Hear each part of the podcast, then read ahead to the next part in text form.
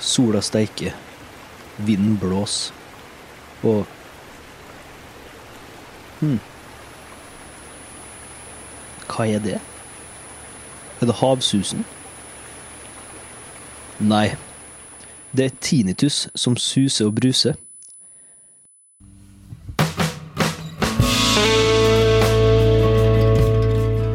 Denne bonusepisoden av Lær å lytte har jeg nemlig tenkt til å snakke om noe som er ganske viktig for nytelse av musikk, nemlig hørsel. Jeg har akkurat hatt en liten eh, uke nå med masse eksamenskonserter, og selv om jeg har vært flink til å bruke ørepropper nesten hele tida, tar fortsatt mengden høy lyd sin pris. Derfor tenkte jeg at det var passende å gjøre en liten folkeopplysning om akkurat dette temaet. Og spesielt nå som det er en skikkelig festivalsommer på vei.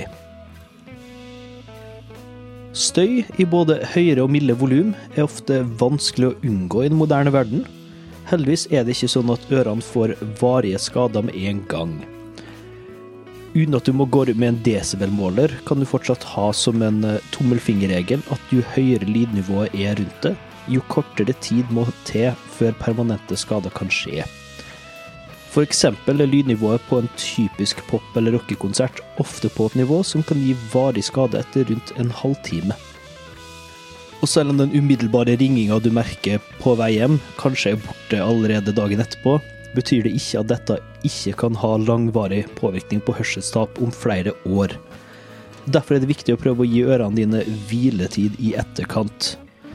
Dette kan eh, gjøre f.eks. en festival med flere konserter over en langhelg ekstra farlig. Glem heller ikke at det kan være vanskelig å være klar over volumene vi utsetter oss sjøl for, gjennom f.eks. ørepropper i bråkete omgivelser. Aktiv støydemping kan hjelpe dette her mye, men følg litt med på volumkontrollen og sjekk om du kan klare det et hakk lavere eller to. En annen arena som ikke alltid blir tenkt på like mye, er kinoen. Det gjennomsnittlige kinovolumet har økt de siste åra, og spesielt lange actionfilmer kan ligge i farlig lydnivå over lengre tidsrom.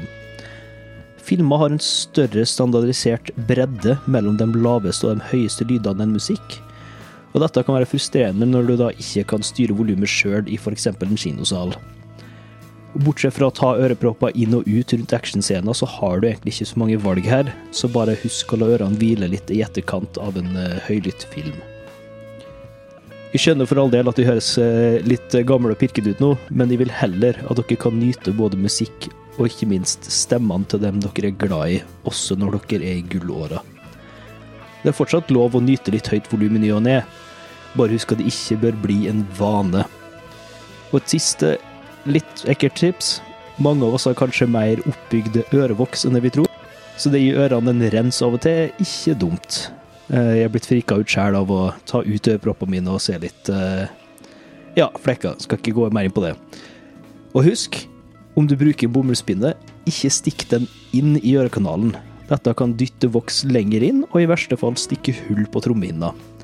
Om du vil rense litt dypere, fins det diverse sprayer og annet på apoteket. Det er bare å spørre dem som jobber her, de biter ikke. Så ha en trygg og høylytt sommer. Vi lyttes, forhåpentligvis.